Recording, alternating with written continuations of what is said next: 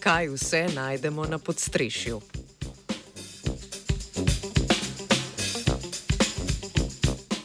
Slovenska znanstvenica in znanstvenik sta skupaj z ameriškim kolegom v reviji Journal of Hazardous Materials objavila raziskavo o podstrešnem prahu v Mariboru. Skupina je ugotovila, da lahko s pomočjo podstrešnega praha ugotovimo pomembne pretekle vire onesnaževanja s potencialno toksičnimi elementi. Kronična izpostavljenost povišenim koncentracijam takih elementov pa negativno vpliva na delovanje, razvoj, metabolizem in razmnoževanje organizmov. Ljudje pomembno vplivamo na onesnaženost zraka. Predvsem zaskrbljujoči so trdni delci, ki vsebujejo arzen, kadmi, krom, nikel, svinec, živo srebro in še nekaj drugih. To so potencialno toksični elementi, ki že odvedno krožijo v naravi prek vulkanov, gozdnih požarov ali erozije tav vendar so človeške dejavnosti pomembno spremenile njihove bio, biogeokemične cikle. Največji motivci naravnega kroženja potencialno toksičnih elementov so rudarstvo, metalurške in industrijske dejavnosti, procesi izgorevanja, transport ter urbanizacija. V Mariboru so bile to predvsem industrijske cone studenci, melje in tezno. Ker so potencialno toksični elementi nerazgradljivi ter se v naravi nalagajo, nam njihova prisotnost v okolju lahko razkrije ne le trenutno onesnaževanje, ampak tudi preteklo.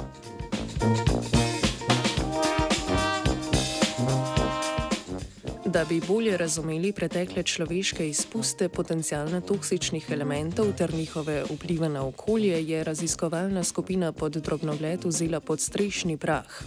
Prednost tega prahu je predvsem naša lenoba. Ker ga ljudje ne očistimo, lahko v odsotnosti vremena čaka pod strehami starih hiš. Raziskovalna skupina je tako lahko izvedla celovit geokemični opis podstrešnega prahu in prikazala njegov življenjski cikl. Od določitve izvora onesnaženja do njegovega vpliva na človekovo zdravje.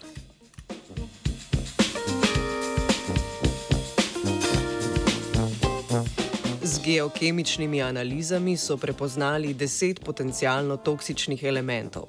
Določili so njihovo mineralno zgradbo ter popisali morfologijo in kemijske lastnosti trdnih delcev, na katerih so našli potencialno toksične elemente.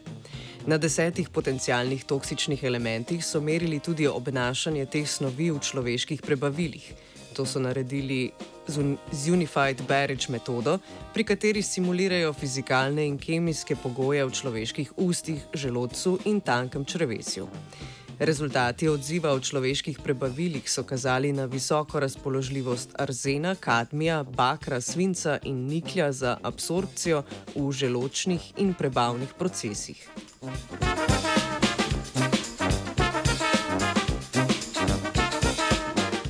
Statistično obdelavo geokemičnih rezultatov so ločili dva antropogena izvora potencialno toksičnih elementov. Prvi se nanaša na industrijsko cono Tezno, kjer so v preteklosti izdelovali avtobuse in tovornjake. Tej industrijski coni so pripisali izvor kobalta, kroma, železa in niklja. Druga skupina pa se je nanašala na industrijsko cono Melje, kjer sta bila, bili nekoč livarna in proizvodnja baterij. Iz cone melja naj bi izvirale povišene vrednosti kadmija, bakra, antimona, kositra, svinca in cinka. Z rezultati so želeli pokazati, da je podstrešni prah lahko zelo koristen vir informacij o trenutnem in preteklem onesnaževanju v urbanih okoljih. Hkrati pa so želeli poudariti, da predstavlja potencijalno biološko nevarnost za človeško zdravje Količina prahu pa nam bi morebiti lahko povedala tudi, koliko je določena hiša izpostavljena nekemu onesnaževalu. Po podstrešju je stikala Lea.